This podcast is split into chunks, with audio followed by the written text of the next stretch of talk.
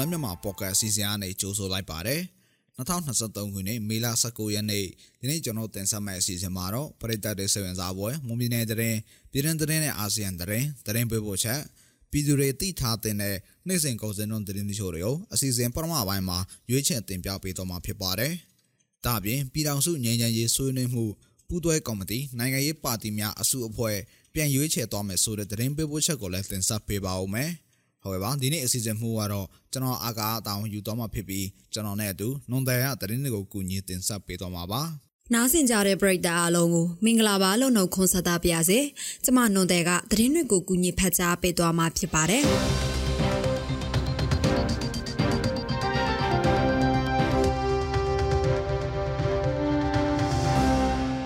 ဦးဆုံးတဲ့တဲ့ဘုံအနေနဲ့ပေါင်မျိုးနယ်ကအမျိုးသမီးတူကိုတထုံပြည်သူ့ကာကွယ်ရေးတော်လှန်ရေးအင်အားစု TPDM နဲ့ပူးပေါင်းခဲ့တယ်လို့ဆွဆွဲပြီးစစ်ကောင်စီကဖမ်းဆီးခဲ့တယ်လို့ဒေတာခန့်နေစီကနေသိရပါဗျ။ဖမ်းဆီးခံရတဲ့အမျိုးသမီးငယ်ဟာ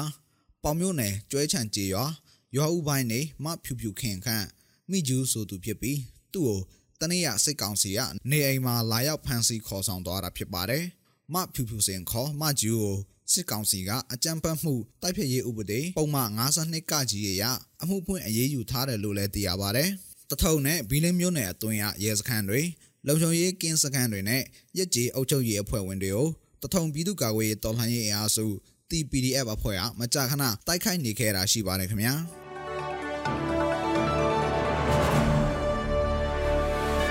နောက်ထပ်သတင်းသဘောအနေနဲ့မွန်ပြည်နယ်ဈေးကွက်မှာပေါ်စံမွေးစပားတင်းတရာကို25သိန်းဝန်းကျင်အထိပေါက်စေရှိနေတယ်လို့စပားကုန်တယ်နဲ့စပားဆိုင်တောင်သူတွေစီကသိရပါဗျ။ပြီးရတဲ့ဧပြီလတွင်စပားချိုအုပ်စုဝင်စပားတင်းတရာကိုကျပ်23သိန်းဝန်းကျင်ရှိရာကနေလက်ရှိမှာတော့စပားတင်းတရာကိုကျပ်25သိန်းဝန်းကျင်သာပေါက်စေရှိနေတာဖြစ်ပါတယ်။လက်ကျန်စပားနဲလာပြီးဝယ်လိုအားမြင့်တက်လာတာကြောင့်စပားစေးဆက်တိုက်မြင့်တက်လာတာဖြစ်နိုင်တယ်လို့စပားကုန်တယ်တွေကပြောဆိုကြပါဗျ။ စပားကျန်းအုပ်စုဝင်စပားဈေးလဲကျပ်15သိန်းနဲ့16သိန်းကြားရှိနေရကလက်ရှိမှာတော့ကျပ်သိန်း20နီးပါးပေါက်ဈေးရှိလာပါတယ်စပားဈေးကောင်းရနေပေမဲ့လျှာသုံးသွင်းအစုဖြစ်တဲ့ဓာတ်မြေဩဇာဓာတ်စီနဲ့အလုတ်သမားငှားရန်ခါအစမတန်မြင့်တက်လာတဲ့အပြင်စပားအထွက်နှုံမှာရွတ်နေတဲ့အတွက်စပားဆိုင်တောင်သူတွေအကျိုးမြတ်မြဖြစ်နေပါတယ်ရဘာဘီရင်စပားစိုက်ပျိုးခြင်းဟာပြည်내ရဲ့အတိကစီးပွားရေးလုပ်ငန်းဖြစ်လောက်ကင်စားတောက်ကြပြီးမိုးစပားကိုအတိကထားစိုက်ပျိုးကြတာဖြစ်ပါတယ်ရှင်။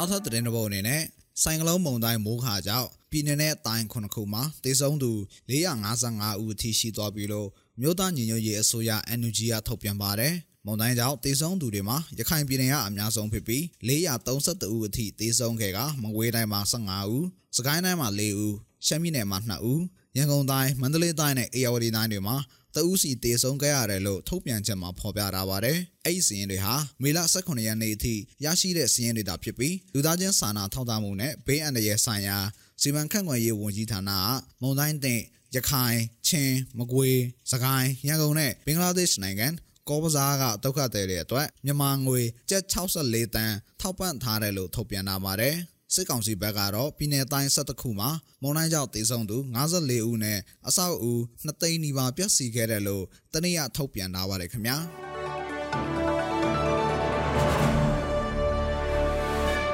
နောက်ထပ်သတင်းသဘောအနေနဲ့တောင်ငူအကျဉ်းထောင်မှာဖမ်းဆီးခံထားရတဲ့အကျဉ်းသား10ဦးဟာမနေ့ကထောင်အာဏာပိုင်စီကနေတနက်တွေလုပြီးထွက်ပြေးသွားတယ်လို့သိရပါဗျ။ မနေ့ကနေ့လယ်3နာရီလောက်သူတို့တွေကိုထောင်ထဲကနေတရားရုံးထုတ်ဖို့ခေါ်လာချိန်မှာထောင်အာဏာပိုင်တွေစီကနေတနက်တွေလူပြန်လည်ပစ်ခတ်ခဲ့ပြီးနောက်ထွက်ပြေးလွတ်မြောက်သွားကြတယ်လို့သတင်းတွေမှာဖော်ပြကြပါတယ်။ထောင်ထဲကအာဏာပိုင်တွေနဲ့နှစ်ဖက်အပြန်အလှန်ပစ်ခတ်ကြရင်ထွက်ပြေးလာသူတဦးသေဆုံးသွားပါတယ်။ အဲ့ဒီတောင်ငူထောင်ဟာနိုင်ငံတော်သမ္မတဦးဝင်းမြင့်ကိုစစ်ကောင်စီကဖမ်းဆီးထားတဲ့နေရာလည်းဖြစ်ပါတယ်။စစ်ကောင်စီရဲ့ဝါဒဖြတ် Telegram Channel တွေမှာတော့ထောင်ကနေထွက်ပြေးသူတွေနဲ့အာဏာပိုင်တွေကြားအပြာလက်ပစ်ခတ်မှုအတွင်းစစ်ကောင်စီတပ်ချက်ကြီးတဦးသေဆုံးပြီးတဦးဒဏ်ရာရတယ်လို့ဖော်ပြထားပါတယ်ရှင်။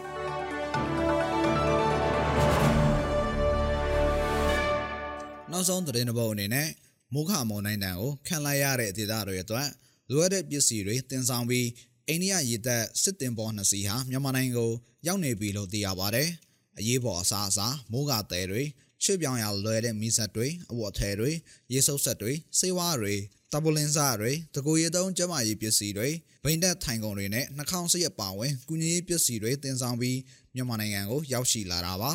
အိန္ဒိယစစ်တင်ပေါ်နှစ်စီးဟာကားတစ်စီးစာတန်ချိန်40အကူအညီတွေကိုတင်ဆောင်ပြီးမနေ့ကရန်ကုန်ကိုရောက်ရှိလာတာဖြစ်ပြီး INS Carrier ကစစ်တင်ပေါ်ကတော့ဒီနေ့ရောက်ရှိလာမှာဖြစ်ပါတယ်ခင်ဗျာ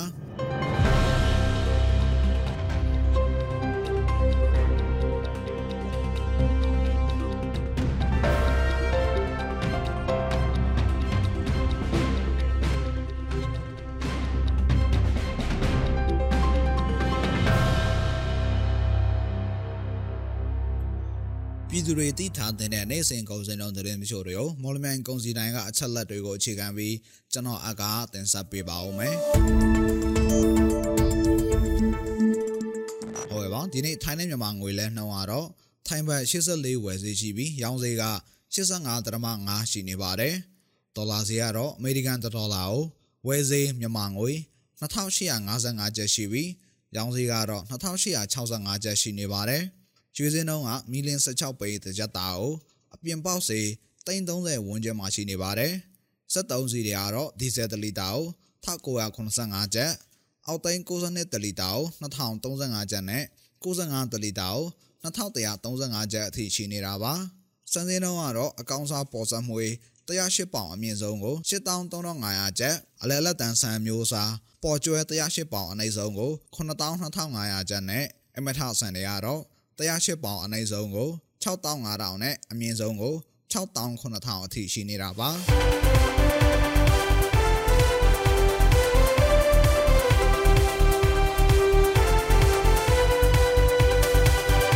အခုတင်ဆက်ပေးသွားခဲ့တာကမေလ19ရက်နေ့မှာဖြစ်ပျက်ခဲ့တဲ့မွန်ပြည်နယ်တရင်ပြည်တွင်းတရင်နဲ့အာဆီယံတရင်တွေအပြင် တနိဒါစီစိငွေစက်နဲ့ကုန်စည်နှုန်းတွေကိုတင်ဆက်ပေးသွားခဲ့တာဖြစ်ပါတယ်။ဆက်လက်ပြီးတော့ပြည်ထောင်စုငြိမ်းချမ်းရေးဆွေးနွေးမှုပူးတွဲရေးကော်မတီနိုင်ငံရေးပါတီများအစုအဖွဲ့ပြန်လည်ရွေးချယ်သွားမယ်ဆိုတဲ့သတင်းပေးပို့ချက်ကိုနဒီရတင်ဆက်ပေးပါဦးမယ်။ပြည်ထောင်စုငြိမ်းချမ်းရေးဆွေးနွေးမှုပူးတွဲကော်မတီ UPTJC နိုင်ငံရေးပါတီများအစုအဖွဲ့ကိုပြန်လည်ရွေးချယ်မှာဖြစ်တယ်လို့ UPTJC မှအဖွဲ့ဝင်တော်ချူချူကျော်ငိန်ကပြောပါတယ်။ စစ်ကောင်စီလက်အောက်ခံပြည်ထောင်စုရွေးကောက်ပွဲကော်မရှင် UEC ကထုတ်ပြန်ခဲ့တဲ့နိုင်ငံရေးပါတီများမှတ်ပုံတင်ခြင်းဥပဒေ၊ဤဥပဒေအရနိုင်ငံရေးပါတီအဆိုမှာဖျက်သိမ်းခံရတယ်လို့အဆိုကအစ်စ်ပြန်လည်ဖွဲ့စည်းကြတယ်လို့သူကဆိုပါတယ်။ဟာကျမတို့ခဏနားထားပါလိမ့်ရှင်။ဟိုမခေါ်သေးပါဘူးနော်။လောလောဆယ်ကျမတို့ တလားနှစ်လလောက်ရှိရှင်နားထားတယ်။အော်ဒီလိုလေကျမတို့ကအခုကပန်း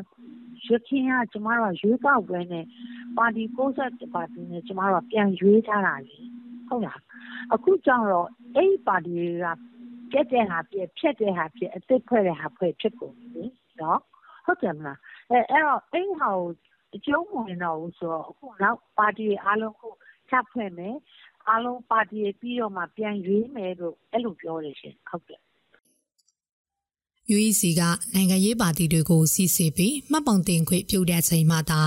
UPTJC ကနိုင်ငံရေးပါတီများအစုအဖွဲ့ရွေးချယ်မှုကိုကျင်းပနိုင်မှာလို့သူကဆက်ပြောပါတယ်။မိမိတို့ပါတီကိုမှတ်ပုံတင်ချပေးတာလည်းမရှိသေးတဲ့အတွက်အဲ့ဒီကိစ္စနဲ့ပတ်သက်ပြီးဘာမှမကြားသိရသေးဘူးလို့ရခိုင်မျိုးသားပါတီဥက္ကဋ္ဌဦးတာထွန်းလှကပြောပါတယ်။ UEC ကနိုင်ငံရေးပါတီများပြန်လည်မှတ်ပုံတင်ခြင်းဥပဒေဤဥပဒေများကို 2023ခုနှစ်ဇန်နဝါရီ31ရက်နေ့ကထုတ်ပြန်ခဲ့ပြီးရက်ပေါင်း60အတွင်းပြန်လည်မှတ်ပုံတင်မတင်တဲ့အမျိုးသားဒီမိုကရေစီအဖွဲ့ချုပ် NLD ရှမ်းတိုင်းရင်းသားများဒီမိုကရေစီအဖွဲ့ချုပ် SNLD ရခိုင်ဒီမိုကရေစီအဖွဲ့ချုပ် ARD အပါအဝင်နိုင်ငံရေးပါတီ40ကိုဖျက်သိမ်းတယ်လို့ထုတ်ပြန်ကြေညာခဲ့ပါတယ်။ အရင်နိုင်ငံရေးပါတီများအစိုးဖွဲ့မှာပါဝင်တဲ့နိုင်ငံရေးပါတီတွေအနေနဲ့ပါတီမှတ်ပုံတင်မကြတာပါတီလုပ်ငန်းစဉ်တွေမပြီးမြောက်သေးတာကြောင့် UPTJC အစိုးဖွဲ့ရွေးချယ်ဖို့ကြာကြာနေတာလို့လည်းတော်ချူချူကျော်ငင်ကဆိုပါတယ်။ကျမတို့ကတော့ဒေသပါတီဆိုတေးတာပေါ့နော်။ဒီလိုလုံးဦးစောအိုက်ပေါင်းလို့ကိုကြီးတို့ဘာလို့ကြတော့အဲသူတို့ကြတော့ဒီလိုလုံးပြေးနေရတာဆိုတော့လေကျမတို့နားတော့နားဆွနေတာပေါ့နော်။နားဆွနေတာပေါ့။ သူတို့ပြီးတဲ့အပေါ်မှာပဲမူတည်မှာပဲဆရာကြီးရဲ့သူတို့ပြီးရမပြီးရဲ့ပေါ်မှာကျမတို့ကဟိုပြောလို့မရဘူးလေသူလည်းအဆုံးအောင်ကြိုးစားနေရပဲဟုတ်တယ်မလားလူတိတ်ဆိုတာဗမာပြည်ပြည်မှာမလွယ်လာဘူးလေနော်အဲရုံးတွေကလည်းအများကြီးခွင့်ရမယ်အမတ်တွေကလည်းအများကြီးရှာမယ်ဆိုတော့အခက်ခဲကိုကျမကိုရင်းလာပြီးကျမမလုပ်နိုင်ဘူးလေကျမမလုပ်နိုင်တဲ့လုပ်ကိုသူတို့လုပ်နေတဲ့အတွက်အဲကျမတော့မြန်မြန်ပြီးပါသေးပဲသူကြောင်းတော့ဒါမှပဲကျမတို့ဒီကောက်ပဲလဲလာမယ် အဲ UPDC ရဲ့ကျမတို့ ဖွဲ့စည်းနိုင်မယ်ဆိုပြီးတော့ပေါ့နော် ကျမတို့ကဗတ်တက်တိုင်မှာလေဆရာကြီးဟုတ်ဘူးလားနော် UPTJC ကို အစိုးရ လွှတ်တော်နဲ့တက်မတော်ကိုယ်စားလှယ်16ဦးတနိုင်ငံလုံးပြစ်ခတ်တိုက်ခိုက်မှုရစဲရေး သဘောတူစာချုပ် MCA ထိုးထားတဲ့ လက်နက်ကင်ဖွဲ့စည်းများမှ ကိုယ်စားလှယ်16ဦး နိုင်ငံရေးပါတီများအစုအဖွဲ့မှ ကိုယ်စားလှယ်16ဦးတို့နဲ့ ဖွဲ့စည်းဖို့ NCA စာချုပ်မှာ ပြဋ္ဌာန်းထားပါတယ် 2022ခုနှစ်ဧပြီ29ရက်နေ့ကပြန်လည်ရွေးချယ်ခဲ့တဲ့ UPTJC နိုင်ငံရေးပါတီများအစုအဖွဲ့မှဦးဆိုင်အိုက်ပေါင်တော်ချူချူကျော်ငိန်ဦးစောတမြင့်တာဆာညပါတီပိုးမျိုးသားဖွဲ့ PNO ရခိုင်မျိုးသားပါတီ AMP ကရင်မျိုးသားဒီမိုကရက်တစ်ပါတီမွန်ညညူရေးပါတီ AUB တို့ရွေးချယ်ခံရတယ်လို့သိရပါတယ်ရှင်။